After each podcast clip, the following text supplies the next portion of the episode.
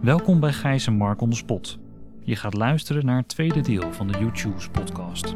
Het is nog steeds het gesprek van de dag in Alle Hoofddorp. leerlingen die we vandaag aanspreken hebben gehoord over de steekpartij.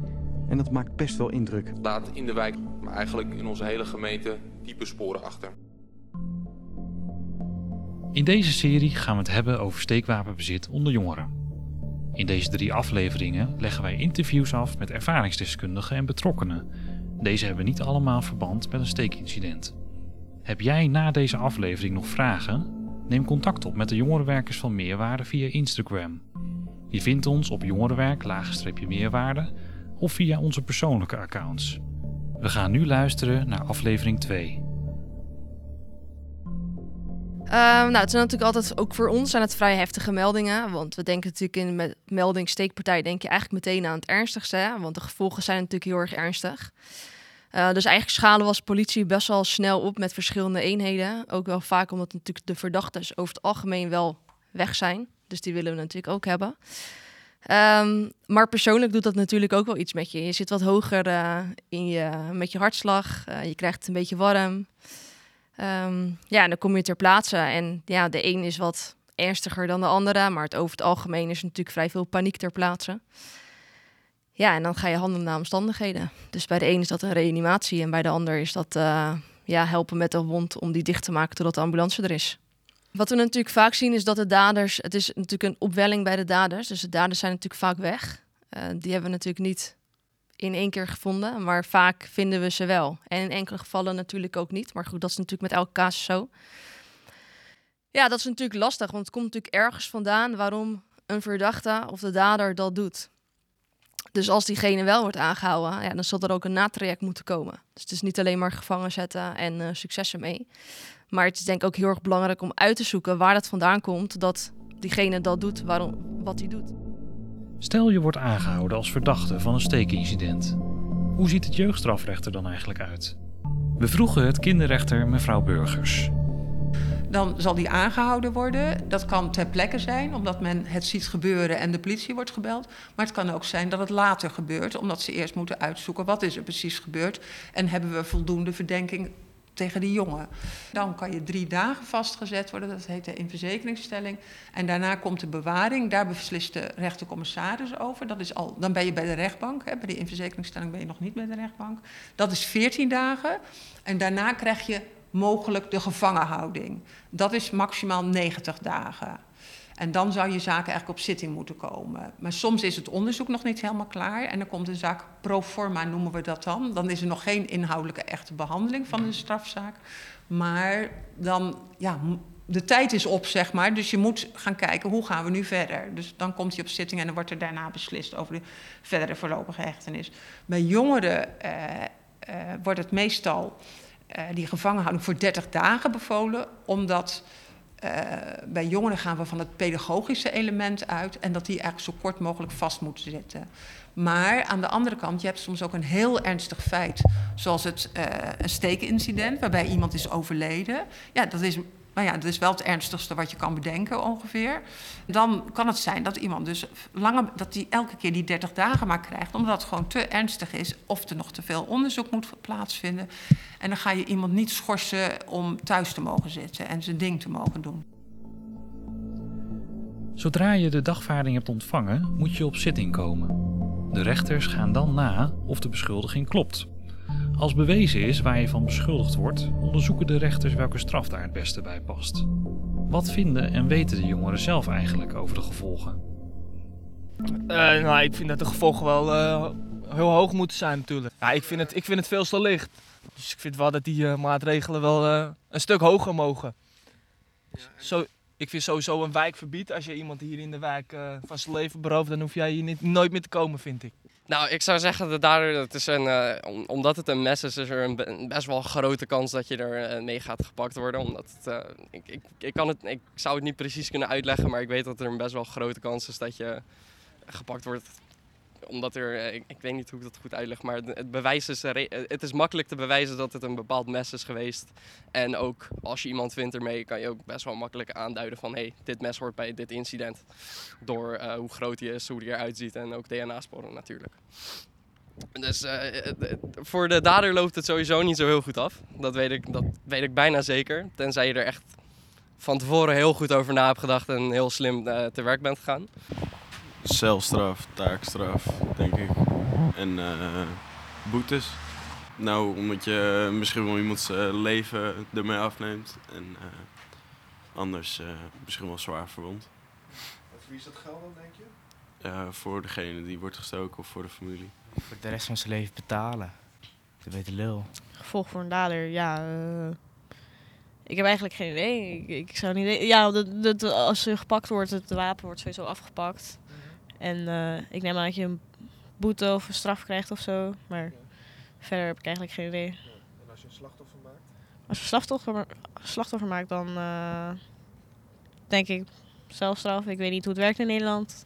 En dan beslist uiteindelijk de officier van justitie, die beslist, is er voldoende verdenking om die jongen op zitting hè, een beschuldiging te geven en eh, de zaak inhoudelijk te behandelen. Nou, dan zal de officier beslissen, we gaan jou vervolgen, heet dat dan. Dan krijg je een dagvaarding en daarop staat je beschuldiging. Als je die beschuldiging krijgt, dan staat er ook een datum op. Wanneer komt de zaak voor? Wanneer wordt die zaak behandeld? En dan gaan er, als het ernstig is, gaan er drie rechters op zitting met een griffier. Die, die schrijft, zeg maar, die, die maakt een soort verslag van de zitting. Eh, dan ga je met drie rechters de zaak behandelen om te kijken... nou ja, klopt die beschuldiging? Hè, want dat moet, bedoel, het is een beschuldiging nog maar. Eh, we weten nog niet of, die, of dat eh, bewezen kan worden. Dus dat ga je kijken als rechters met z'n drieën. Je doet niet gelijke uitspraak. Die hele zaak wordt behandeld op zitting. Ook je persoonlijke omstandigheden komen aan bod. Dus doorgaans een rapport van de Raad voor de Kinderbescherming. Ja, het zijn heel veel termen komen nu langs, denk ik. Maar dat is even in kort vogelvlucht. Het gaat om het feit wat, hè, waarvan je beschuldigd wordt, klopt dat? En om je persoonlijke omstandigheden, zodat als duidelijk is en als bewezen is wat jij, waarvan je beschuldigd wordt, dat dan gekeken wordt, wat is dan de juiste straf? En daarvoor heb je die persoonlijke omstandigheden ook nodig. Nou ja, je hebt een soort uh, uitgangspunt, zeg maar. De officier van justitie, hè, die, die zegt in, in, in zijn of haar verhaal... ik vind dat het bewezen is en ik vind dat er zoveel straf, opgelegd moet worden. De advocaat zegt, nou, ja, ik vind het wel bewezen. Je zou het kunnen zeggen dat het wel bewezen is... maar ik vind die straf die de officier vraagt veel te hoog. Of, of je kan toch veel beter aan de taakstraf denken. Want dat is veel beter, ook voor het, voor het strafblad... maar ook voor de, voor de resocialisatie daarna... Hè, dus dat kunnen we beter niet doen. Uh, nou ja, en daar, daar moeten wij iets van vinden. Je kijkt wel een beetje wat in soortgelijke zaken wordt opgelegd. Uh, je kijkt ook naar de ernst, je kijkt naar de persoonlijke omstandigheden. En je hebt de wet natuurlijk, laten we die niet vergeten. Uh, voor, 15, uh, voor jongeren, zeg maar jonger dan 16, 17 jaar, is, is een jaar jeugddetentie het maximum. Voor 16, 17, 17-jarigen is het maximum twee jaar jeugddetentie. Dus ben je onder de 16 jaar, kan je maximaal 1 jaar jeugddetentie krijgen. Ben je 16 of 17 jaar, kan je 2 jaar jeugddetentie krijgen. Daarnaast kan er ook een pijnmaatregel worden opgelegd. Dat is een maatregel waarbij jongeren schuldig bevonden worden van een ernstig misdrijf en bij wie intensieve hulp en behandeling nodig is. Hoe is het om in jeugddetentie te zitten? Wat maak je er allemaal mee? En hoe is het om uiteindelijk vrij te komen? We gingen in gesprek met een jongen die zelf heeft vastgezeten. We vroegen naar zijn ervaring en wat het met hem doet. Nou, uh, ik kreeg te horen dat ik naar jeugddetentie ging uh, toen ik eerst uh, drie dagen politiebureau had gezeten. En toen kwam ik voor een politierechter en die zei tegen mij, je gaat niet naar huis, je gaat naar een toe. Ja, toen ik hoorde dat ik daar naartoe moest, kreeg ik wel een rotgevoel natuurlijk. Want je weet niet waar je naartoe gaat. Je hebt natuurlijk een beetje het beeld van wat, je, wat je allemaal in die films ziet en zo. Je hebt er niet echt verstand van. En ja, je weet eigenlijk bij jezelf dat je wel een lange tijd weg bent. Ja, ik denk uh, dat je op dat moment gewoon zoveel tegelijkertijd... of dat je eigenlijk niet meer weet wat je voelt. Je bent onzeker, je bent boos op jezelf misschien of op anderen. Je bent boos of je bent verdrietig dat je, dat je weg bent dat je weg bij je familie moet. Dan moet je een paar uur rijden en dan kom je daar aan. Dan moet je, uh, ja, je wordt gevisiteerd. Ja. Dat is een beetje, ja, je moet je uitkleden en dan moet je drie keer bukken. Of je niet dingen smokkelt, zeg maar. Ja, de sfeer van de groep uh, hing heel erg af van wie er op de groep was. Want ik heb ook tijden meegemaakt dat het wel met eh, gezellige jongens was. Dus dat de sfeer gezellig was. Kaarten, pokeren. Gewoon een beetje uh, hoeren de hele dag. Maar ik heb ook tijden meegemaakt dat het uh, rotsfeer was. Met vechten, mensen afpersen en dat soort dingen allemaal. Gewoon dat je eigenlijk een beetje soort van over je schouder heen moest kijken. Van dat je niet, dat er niet iemand ja, jou zeg maar iets aan wil doen of wat dan ook. Als twee jongens ruzie hebben en de begeleiding heeft niet door, dan is het een heel gespannen sfeer. Want dan is het zeg maar, dan weet je eigenlijk dat er al iets gaat gebeuren. Alleen het is gewoon een kwestie van wanneer. Uh, die hebben een soort van uh, pieper. En uh, dan zit er een knopje op, dan gaat alarm af. en dan komt van alle, alle groepen, zeg maar, gaan ze dan de jongeren op hun kamer zetten. En dan komen alle begeleiders van de hele gevangenis komen dan naar die plek waar de piepers af zijn gegaan. Kunnen hun aflezen. En dan gaan ze met z'n allen de jongeren fixeren. Fixeren is zeg maar de jongeren klem leggen op de grond drukken. Misschien handboeien om als ze echt niet meewerken. Gewoon uh, zorgen dat ze rustig worden naar een kamer gaan en dan, uh, ja. Ja, we hebben ook een ISO, maar vaak worden ze eerst naar een kamer gezet. En uh, als ze daar nog doorgaan, weet ik, tegen de deur aantrappen of met dingen gooien of rellen of wat dan ook. Dan worden ze nog wel eens naar de ISO gebracht. Maar het is alleen als jij je niet kan gedragen wanneer je op je kamer wordt gezet. Er wordt binnen heel veel voor je bepaald en veel structuur geboden. Wat vond je daarvan? Ja, het is op een gegeven moment. Uh, sommige jongeren vinden dat fijn. Want dan hebben ze zeg maar, dan wordt het een beetje voor hen bepaald. Dan zitten ze, meestal zitten ze er ook wel wat langer dan. Maar ik had op een gegeven moment dat ik wel een beetje te ziek van werd. Want het is elke dag hetzelfde, elke dag hetzelfde liedje. En het is nooit even iets wat anders. Het is gewoon een beetje. Ja, het is uh, gewoon de hele tijd hetzelfde programma opnieuw. Dus ja, het is een beetje ja, saai, maar ja.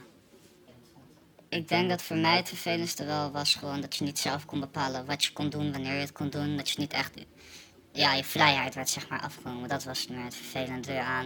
En dan kwam je natuurlijk nog bij kijken dat er wel eens uh, ruzie was of zo op de groep. En dat maakt het ook gewoon vervelend om naar te zitten. Uh, je moet daar wel voor jezelf kunnen opkomen. Ja. En als je dat niet kan, dan kom je snel in de gezeik, dan ben je snel de pispaal. En daarvoor heb je snel uh, een kort lontje eigenlijk. En uh, ja, vaak hou je dat korte lontje wel als je daar weggaat. Heel lang op één groep gezeten, uh, met weinig mensen vaak. je komt buiten en sommige dingen die raken jou meer. Misschien ben je sneller paranoia. die druktes kunnen jou heel erg overweldigen. Want dat ik ook, zeg maar, toen ik bijvoorbeeld in de bus zat, heel veel geluid om me heen. Je hoort alles veel beter. Uh, en niet op een goede manier. Het is zeg maar te veel tegelijkertijd. Je bent heel snel overprikkeld. Waardoor je eigenlijk heel snel uh, ja, gewoon niet lekker van druktes wordt en zo. Gewoon dat je bijvoorbeeld misselijk of gewoon uh, kortademig wordt of zo. En ja, dat soort dingen, dat hou je daar nog wel een tijdje van over. Sommige jongeren hebben dat nog lang, echt een lange tijd na. En sommige jongeren leren daar snel mee omgaan. Ja. En ja, het is allemaal gewoon een stukje gewenning, denk ik, ergens. En daarnaast is het ook heel erg sommige gewoontes en dingen dat je daar leert, ga je ook niet echt meer kunnen afleren. Ja, ik weet niet. Je bent aan de ene kant ben je natuurlijk blij dat je, er dat je daar weg bent. En aan de andere kant, ja, ben je wel verdrietig van wat er is gebeurd natuurlijk. En uh, ja, gewoon, gewoon alles ben je verdrietig over. Gewoon het verleden en dat soort dingen. En uh, ja, dan ga je of naar huis of je moet nog ergens anders naartoe. En uh, ja, je bent ook nog niet helemaal vanaf altijd. Soms heb je nog uh, reclassering die met jou meekomt.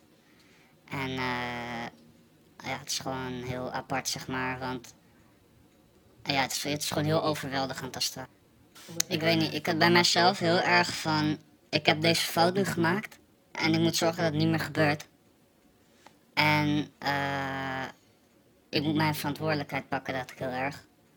En uh, daarom ben ik dus heel erg met school aan gaan uh, bezig gegaan. En uh, sport en de goede dingen doen. En aan mezelf werken. En ja, gewoon zorgen dat het wel zeg maar weer een beetje normaal leven wordt.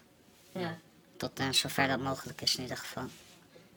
Nou, ik heb niet het gevoel dat ik een normaal leven leid. Ik heb wel zeg maar nog met dingen te maken die uh, ja, wel uh, niet bij een normaal iemands leven horen. Ik heb natuurlijk wel aan mezelf te danken. Dat, dat komt er wel bij kijken. Alleen, uh, ik doe daarnaast ook nog gewoon dingen die normale jongeren doen. Ik ga nog wel eens naar een feestje of wat dan ook. En eh, ja, ik probeer gewoon het beste van te maken. Eh, en ja, gewoon eh, altijd bewust blijven van wat er is gebeurd. En gewoon zorgen dat, het, eh, dat ik niet weer op, die, op diezelfde, diezelfde directie in ga, zeg maar.